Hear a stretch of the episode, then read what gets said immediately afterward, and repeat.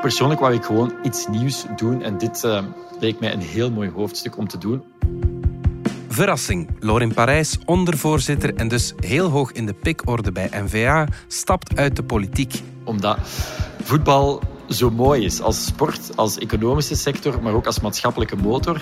En omdat het moment er is uh, om in het voetbal een aantal dingen ook effectief te veranderen. Hij wordt de nieuwe CEO van de Pro League. Ook geen klein jobje natuurlijk. Als het op voetbal aankomt, uh, ben ik absoluut geen groot licht. Was Lorin Parijs einde verhaal bij NVA? Of gaat Bart de Wever hem missen? Het is woensdag 30 maart. Ik ben Alexander Lippenveld en dit is vandaag de dagelijkse podcast van de Standaard.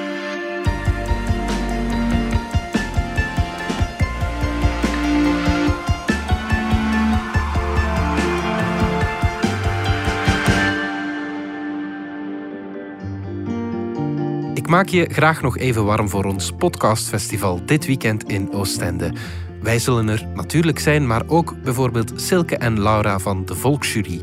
Het is zowat de populairste true crime podcast van Vlaanderen. Ze doen zelfs een live-opname en er is ongetwijfeld veel kava. De fans weten wat ik bedoel. Komende zaterdag in het Cursaal. Meer info en tickets op dspodcastfestival.be.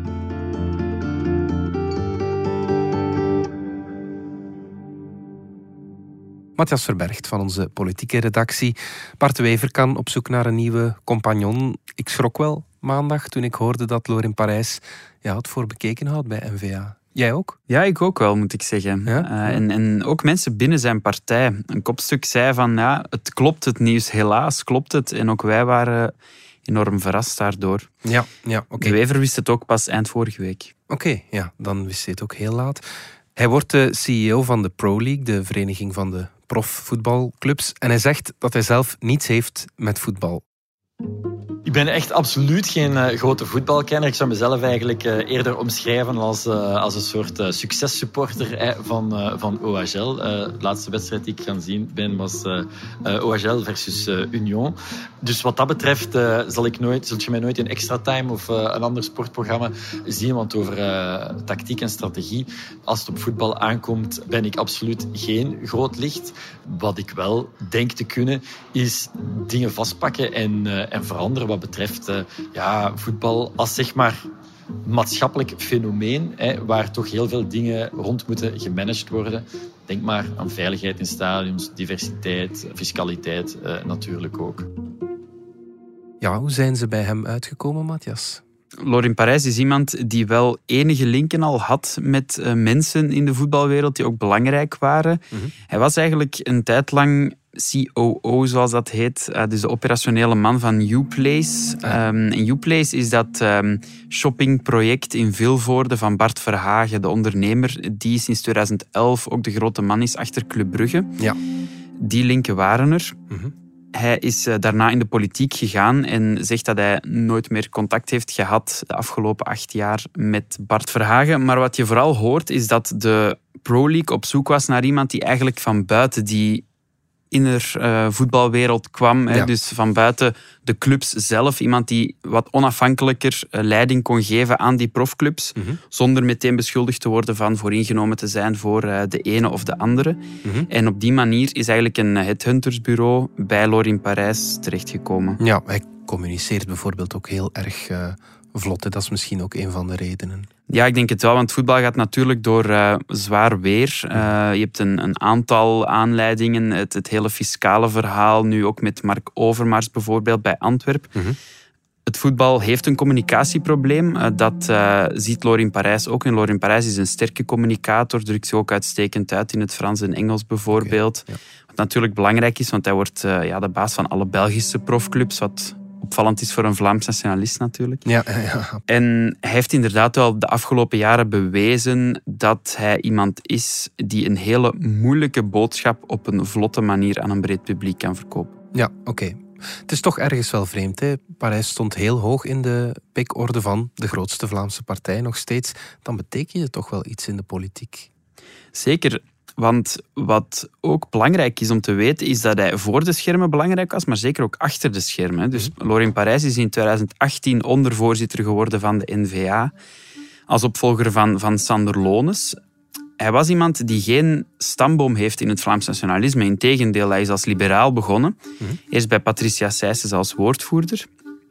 Daarna is hij ook opgekomen bij de verkiezingen voor eh, Open VLD. In 2010 is dat niet verkozen geraakt en in 2013 is hij overgestapt naar de NVA. Dus hij is eigenlijk in de ogen van vele NVA'ers met eh, wel een geschiedenis, bijvoorbeeld die terugreikt tot bij de VU, is hij een overloper. Ja. En toch heeft hij heel snel het vertrouwen van de Wever uh, kunnen uh, winnen. Ja. Hij is dan in 2021, vorig jaar, begin vorig jaar, herverkozen als ondervoorzitter. Dat was ook heel opvallend, mm omdat hij het onder meer moest opnemen tegen Theo Franke, die uit dezelfde streek komt. Maar Lorin Parijs had daar de meeste stemmen van alle kandidaten. Ja, wat was dan zijn kracht? Wat, wat straalde hij uit in de, in de partij? Uh, Lorin Parijs is een heel harde werker. Mm Is iemand die ook ja, heel vlot is in de omgang en heel bereikbaar is. Hij maakte heel snel de brug bijvoorbeeld tussen lokale afdelingen van de NVA en de partijtop. Was iemand die altijd aanspreekbaar was voor Jan en alle man. Ja. En tegelijkertijd ook iemand waar de partijtop zelf heel erg op kon rekenen. Bijvoorbeeld tijdens de regeringsvorming na de verkiezingen van mei 2019. Ja. Waarin Bart de Wever eigenlijk zijn mediaoptredens erg beperkte om ruimte te laten voor de onderhandelingen achter de schermen en die niet in gevaar te brengen, was eigenlijk Lorin Parijs een beetje de woordvoerder van die partij en de stem van de Wever in het publieke debat. Mhm.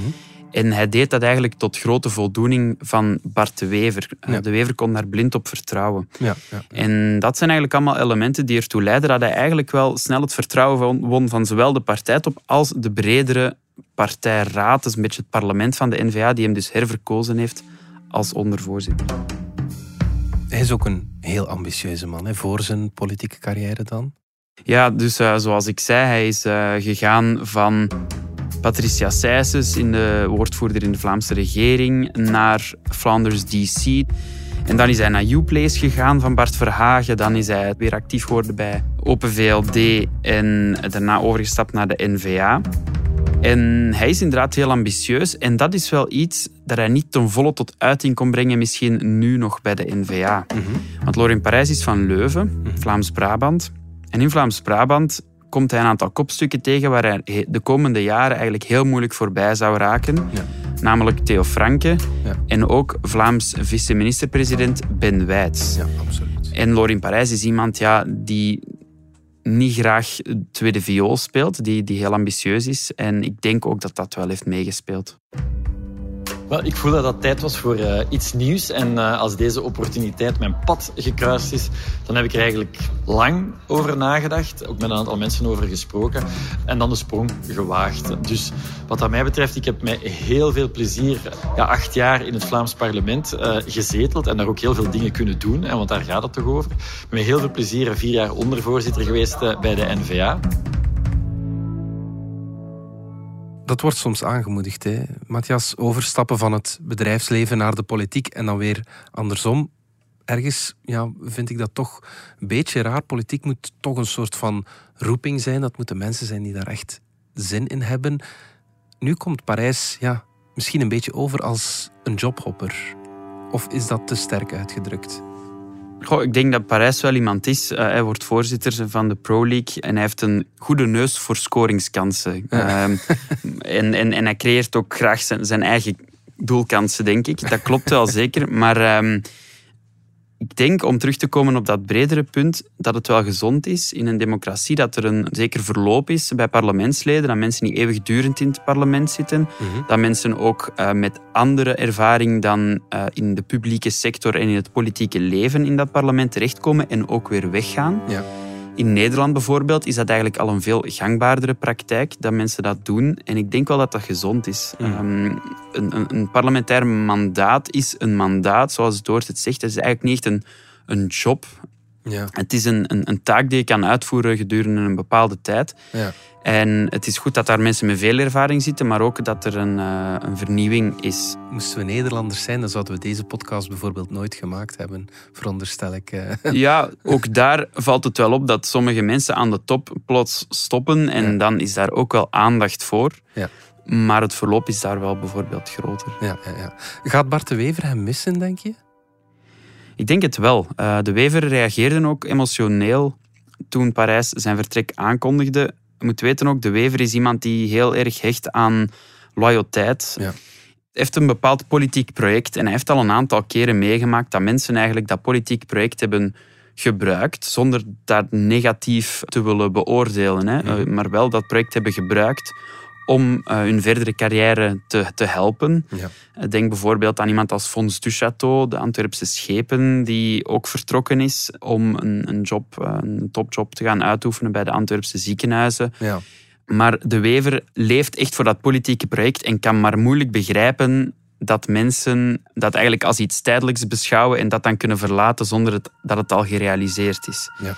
En daarom heeft hij het daar moeilijk mee. En daarbovenop was Lorin Parijs ook wel echt instrumenteel voor de N-VA richting de verkiezingen van 2024 voor twee redenen. De eerste reden, hij was eigenlijk het sociale gezicht van de partij, of één van de sociale gezichten van de partij. Mhm. Dat is belangrijk omdat de N-VA als strategie heeft aangenomen dat de partij moet gaan werven in het centrum. En een aantal jaren geleden was de N-VA een partij met een heel erg hard profiel op de veiligheidsdepartementen. Herinner u in de regering Michel hadden ze defensie, binnenlandse zaken, Ja. asiel en migratie. Sociale kwam bijna niet meer aan bod. Mhm.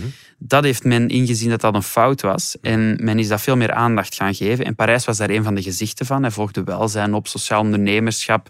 Is ook bijvoorbeeld iemand die heel erg bezig was met eh, pleegzorg, adoptie. Ja. Hij heeft zelf een, een eh, adoptief eh, zoontje. Mhm.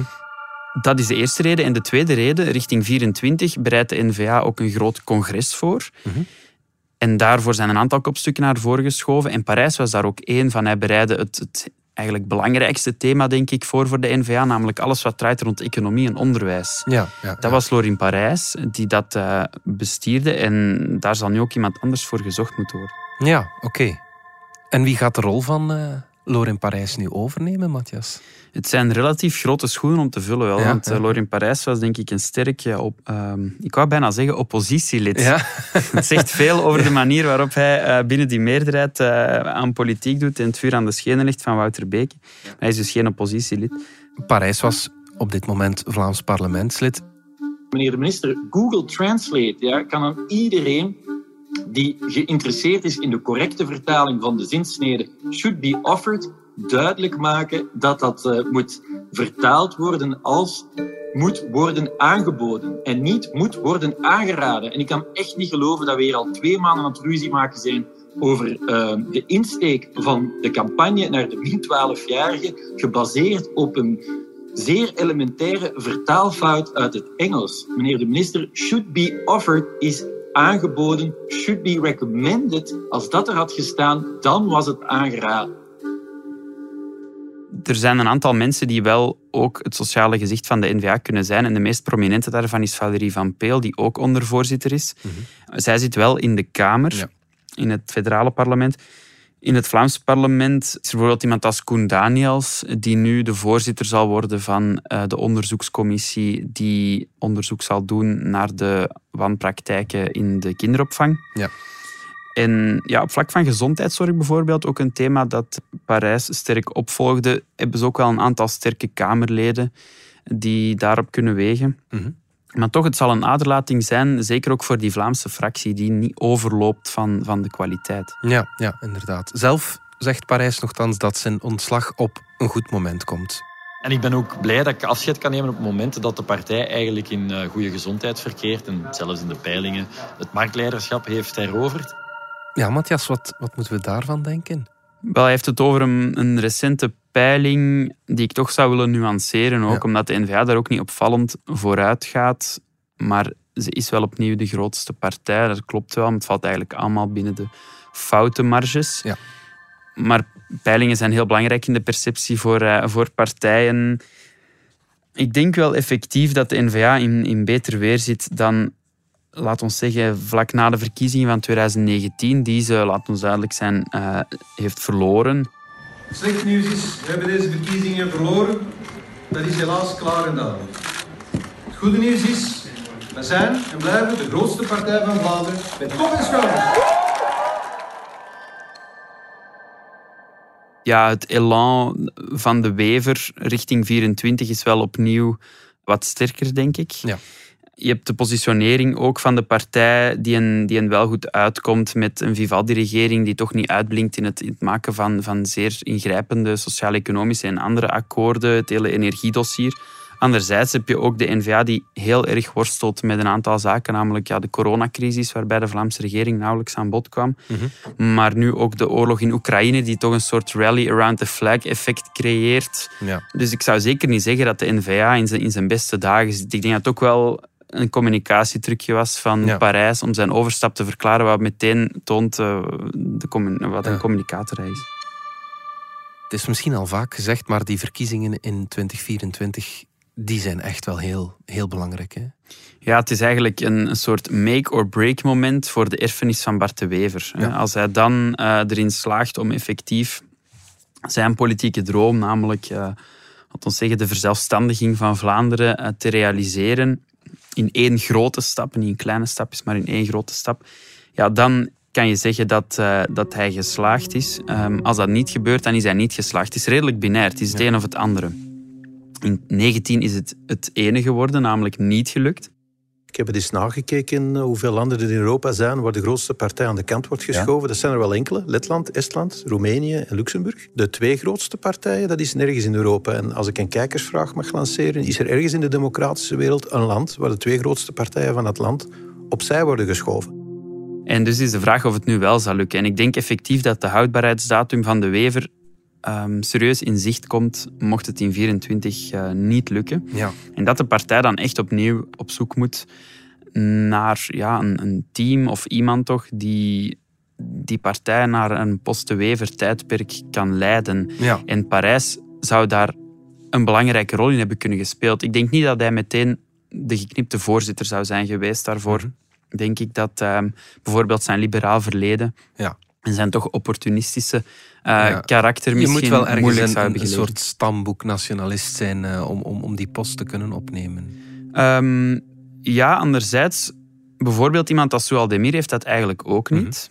Maar het is toch nog anders als je bijvoorbeeld bij een andere politieke partij bent gestart. Ja. Zoals Demir zou denk ik wel iemand zijn waar zeker naar gekeken wordt hè, uh, op zo'n moment. Ja. Heeft de Wever ook onlangs laten uitschijnen dat uh, voor Zoal Demir ja, de, de hoogste zelfs de hoogste posten niet ver genoeg rijken. Hij had het dan wel, denk ik, eerder over het Vlaamse minister-presidentschap. Maar ik zie hm. eh, ook wel zeker een kans voor haar uh, voor het voorzitterschap van die partij. Maar goed, we zijn nu heel hypothetisch aan het spreken, want de Wever blijft zeker nog tot 2024. En um, wie weet dat het daarna uh, ook nog blijft. Hij is nog altijd maar een, een, prille vijftiger. Hè. maar hij is wel al twintig jaar voorzitter natuurlijk. dat hebben we al lang niet gezien, iemand die zo lang in het ja, zadel zit. Ja, absoluut. En daar zijn ze zich ook wel heel bewust van bij de partij dat dat lang is. Maar het idee dat hij absoluut een opvolger moet hebben, heeft hij eigenlijk al verlaten, want dat is mislukt alle afgelopen keer dat hij dat heeft geprobeerd. Ja. Denk je, Matthias, dat we Laurent Parijs nog terug gaan zien in de politiek? Want die, die, die post van voorzitter van de Pro League, ja, dat is uh, een draaideur, om het zo te stellen. Hè? Ja, dat is inderdaad geen zekere wereld de politieke wereld is heel onzeker, maar de sportieve misschien nog meer. Ja. Ik zie hem nog wel ooit eens terugkeren, eerlijk gezegd. Ja, ik denk dat uh, Parijs iemand is die elke trein die voorbij komt heel erg in het oog houdt en ziet of hij er niet moet, moet opspringen. En als ooit de politiek weer langskomt uh, met uh, iets interessants. Minister van Welzijn bijvoorbeeld. Bijvoorbeeld, bijvoorbeeld. ik denk nu dat hij de komende jaren wel goed zit bij de Pro League. Maar hij is nog jong en, en er kan nog veel. Goed. Matthias Verbergt, dankjewel. Graag gedaan.